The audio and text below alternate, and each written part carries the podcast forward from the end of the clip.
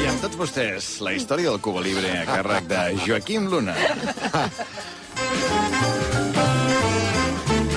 El Cuba Libre és, és una beguda, diguem, amb, amb transcendència eh, històrica. Jo no crec que totes aquestes begudes tinguin darrere cap, diguem, dimensió històrica.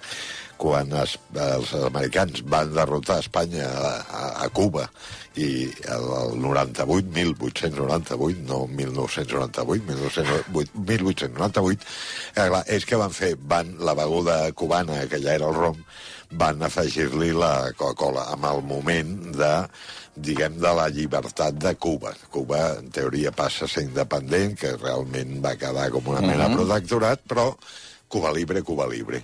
I aquí es va adoptar també el Cuba Libre, és a dir, que no, en aquest sentit vam ser una mica generosos. Sí, 1898 Avui. és l'any que neix el Cuba Libre. Comença a dir-se i, i, i, i entenc que van ser els americans els primers que, que el, van, el, el van difondre. Que ja hi havia el rom allà i ells però, hi porten... Però, clar, el, el ron hem de tenir en compte que marques com Bacardí eren de- D'aquí, de Sitges, de, no? de Sitges, de, Sí, sí, de tots els indianos, no? Els Que se'n indianos. van- Per tant, aquí també va, va entrar fàcil aquesta Mhm. beguda. I jo, fidel a, diguem, a les tradicions i a la història, pues, he sigut sempre fan del Cuba Libre. Sí, senyor. El que passa que el Cuba Libre, això sí, eh, és una beguda que l'has de demanar a determinats llocs. Eh, si no, és bastant perillosa. Te l'han de fer bé. Arriscada.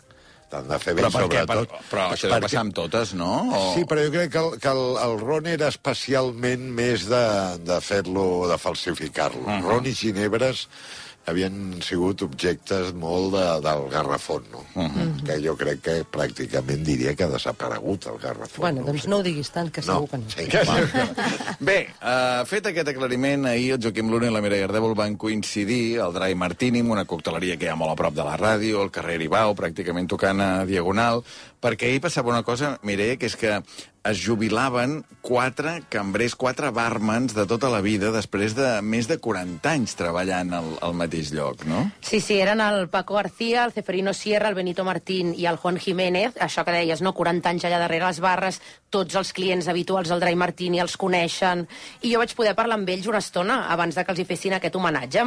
Vam anar a un racó d'allà del Dry Martini, vam passar per la cuina i ens van portar com en una sala que tenen al darrere amagada, i vaig poder parlar amb ells uns minuts abans que comencés aquest homenatge. Que això, Joaquim, és una cosa, clar, en un moment en què jo crec que qui serveix o qui es posa a fer de cambrer és algú per guanyar uns calés, Ah. perquè llavors vol saltar i anar a un altre lloc, això ja no ho tornem a veure, pràcticament. Cambrers d'aquests barmans que, que s'estan tota la vida treballant en un local, no? Jo crec que la part més bonica, més entranyable, va ser veure com, un, eh, com els clients, diguem, de tants anys, que ja pràcticament eren més amics que clients, agraïen això, agraïen aquesta fidelitat i aquesta trajectòria.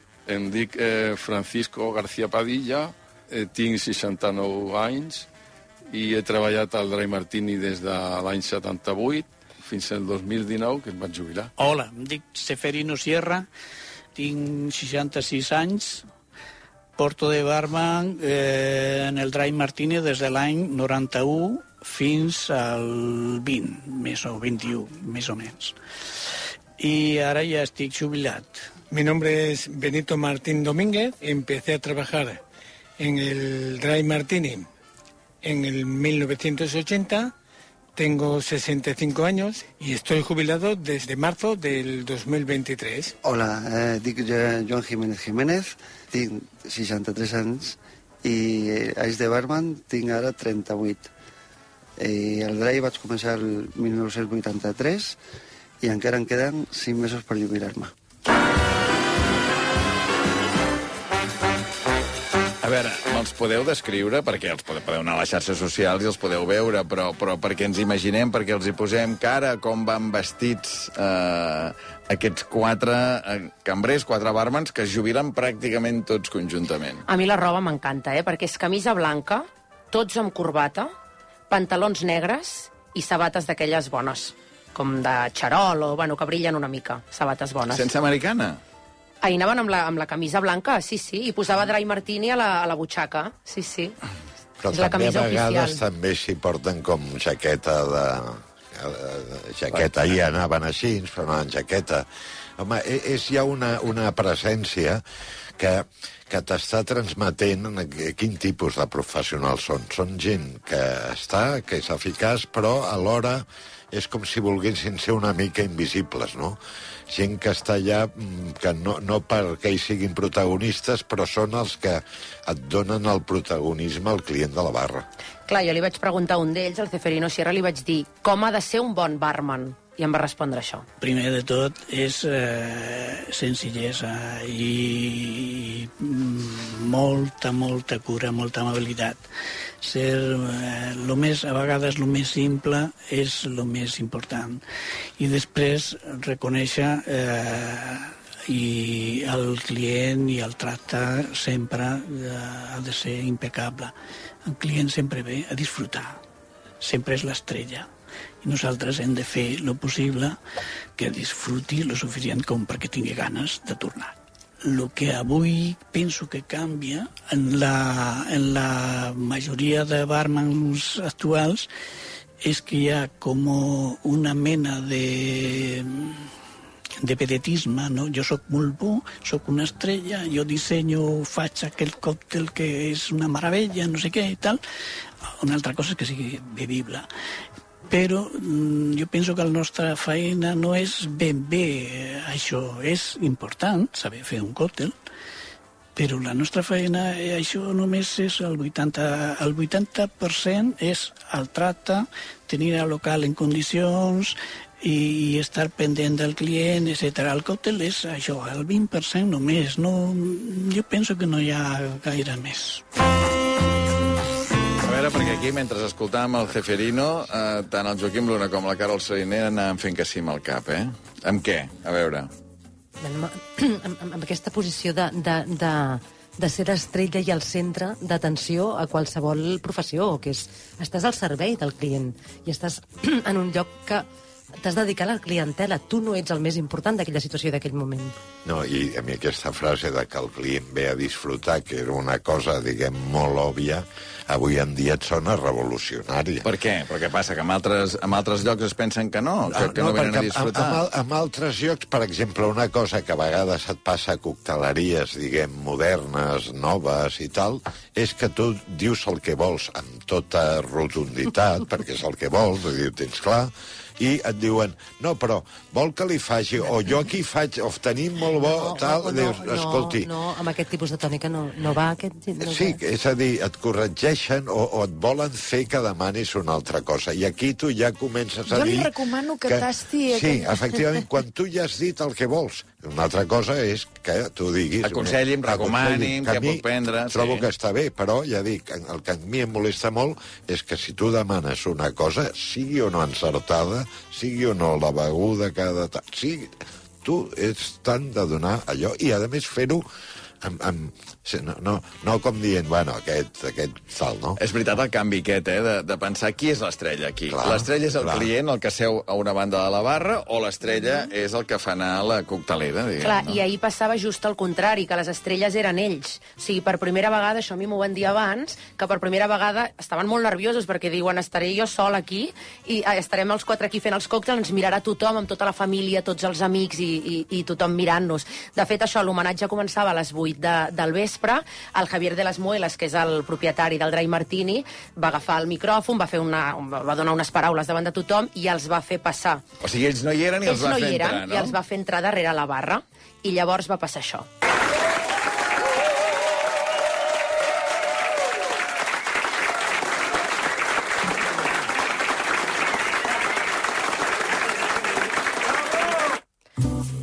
Clar, els aplaudiments van durar molta estona. No els hi havia passat mai, ningú els aplaudia per fer un còctel abans, no? I llavors era això, no? Això que dèiem la primera vegada, que ells són el centre i no és el client, són ells. No, I aquestes, eh, aquest, aquest efecte... Jo ja sé que avui en dia els negocis, jo diria que gairebé tots, de restauració, de bars, no, estan fets perquè durin un temps, una rendibilitat i s'ha acabat. No, és així, no, no tinc res a dir. Però és cert que aquesta pèrdua de, de llocs que, que, que naixien i que duraven anys jo trobo que m'identifico més amb aquesta trobar-te com a casa a un bar que millor des de fa 40 anys està igual, amb aquest servei, aquest patró. A mi a vegades em fa una mica de pena que, que, que ara tots siguin negocis molt a curt termini. sigui, són les dues coses, eh? No només la gent s'agafa la feina de cambrer o de barman com una feina temporal Sí, per pagar-se sí, els estudis sí, o una feina sí. de transició fins que trobi alguna cosa millor, sinó també els negocis són negocis per dir, doncs mira, muntarem això durant 3 o 4 anys i... ràpid i si ho puc traspassar és el gran objectiu, traspassar-ho, guanyar diners i res a dir, però per una ciutat jo diria que és una mica de... Clar. Persa una mica alguna cosa. No? Aquests quatre, si parlessin... Si parlessin... Si parlessin... Tot el que podrien dir. O Què creieu que han pogut veure? Hombre... 40 anys darrere la barra d'una cocteleria com el Dry Martini i ha passat de tot. Jo els hi, els hi vaig demanar, expliqueu-me alguna cosa que hagueu vist des de la barra. I vas arrencar alguna cosa? Alguna, alguna. Aquí venía un señor que venía con su querida y se ponía en un rinconcito cada tarde con la querida. ¿Y qué pasa? Que las amigas de su mujer venían al dry y le dijeron en una ocasión a su mujer, oye, mira, tu marido va cada tarde al dry martini y está con una persona. Me acuerdo perfectamente, entró la señora, su mujer, entró por la barra del dry, por la puerta del dry, entró, miró así y estaba el señor en un rincón con la querida. El señor se levantó, dejó a la señora allí, salió por la puerta i hasta más ver. Sí, va deixar la querida allà asseguda i va marxar amb la seva dona, Con la señora. Sí, sí, sí. deixant a la querida allà, déu nhi sí, sí. Passa cap a casa. Que passa cap aquí. ja parlarem. Tu i jo No parlarem. No devien, tornar. no devien tornar a veure, clar. Hasta más ver, m'ha agradat molt aquesta expressió. Sí, sí, Hasta más ver traduït és que no li han tornat a veure el pèl. Clar, el sí, Martini, no? Suposo. Això passava al dry, ara ja no tant, però clar, és veritat que és d'aquells jocs que tu creus que ningú et veurà i era un dia que et podies trobar algú el dia que menys Clar, t'ho perquè és una imaginaves. que està a la sí, vista, no? I és Tot. de les cobra tots els dies, mm. està, és molt estàndard, i hi havia gent, en aquest sentit, una mica confiats de dir, no, un dilluns a la nit no, no, aquí no em veurà ningú. I, I sí. crac. Eh? Bueno, escolta, i se m'ha informat, Joaquim Luna, que se't va veure a la barra parlant amb un conegut periodista esportiu català. Ah, sí, eh, molt, que hi era també. admiració, Lluís Canut. Home, Lluís Canut també hi era, i el Dry Em va fer molta il·lusió veure'l i vaig poder parlar amb ell una estona, li vaig posar el micròfon i crec que explica molt bé la importància d'aquesta cocteleria i de que aquests barmans històrics es jubilin. Lluís Canut, bona tarda. Bona tarda. Has vingut moltes vegades aquí. Bueno, acostumo a venir alguna vegada, sí, sí. Si he de prendre un còctel a Barcelona, doncs el Dry Martini és un lloc obligat. Quina importància té, creus, per Barcelona un local com aquest, el Dry Martini? Doncs, home, que és conservar una sèrie de tradicions que malauradament s'han anat perdent perquè cada vegada apareixen més locals, sobretot moltes franquícies, no?, que fa que, que, que, que les ciutats siguin molt semblantes les unes a les altres i tenir aquest, eh, aquest local del Dry Martini fa diferent a Barcelona d'altres d'altres ciutats. I a més a més una cosa que m'agrada molt és que es mantingui la tradició de les americanes aquestes blanques que crec que li dona un toc especial als cambrers i que malauradament s'està perdent, no? Que és eh, una cocteleria d'autor, no? I això, I això és molt important. Trobar nom a les coses i a les persones. Lluís, moltes gràcies. A tu, que vagi molt bé.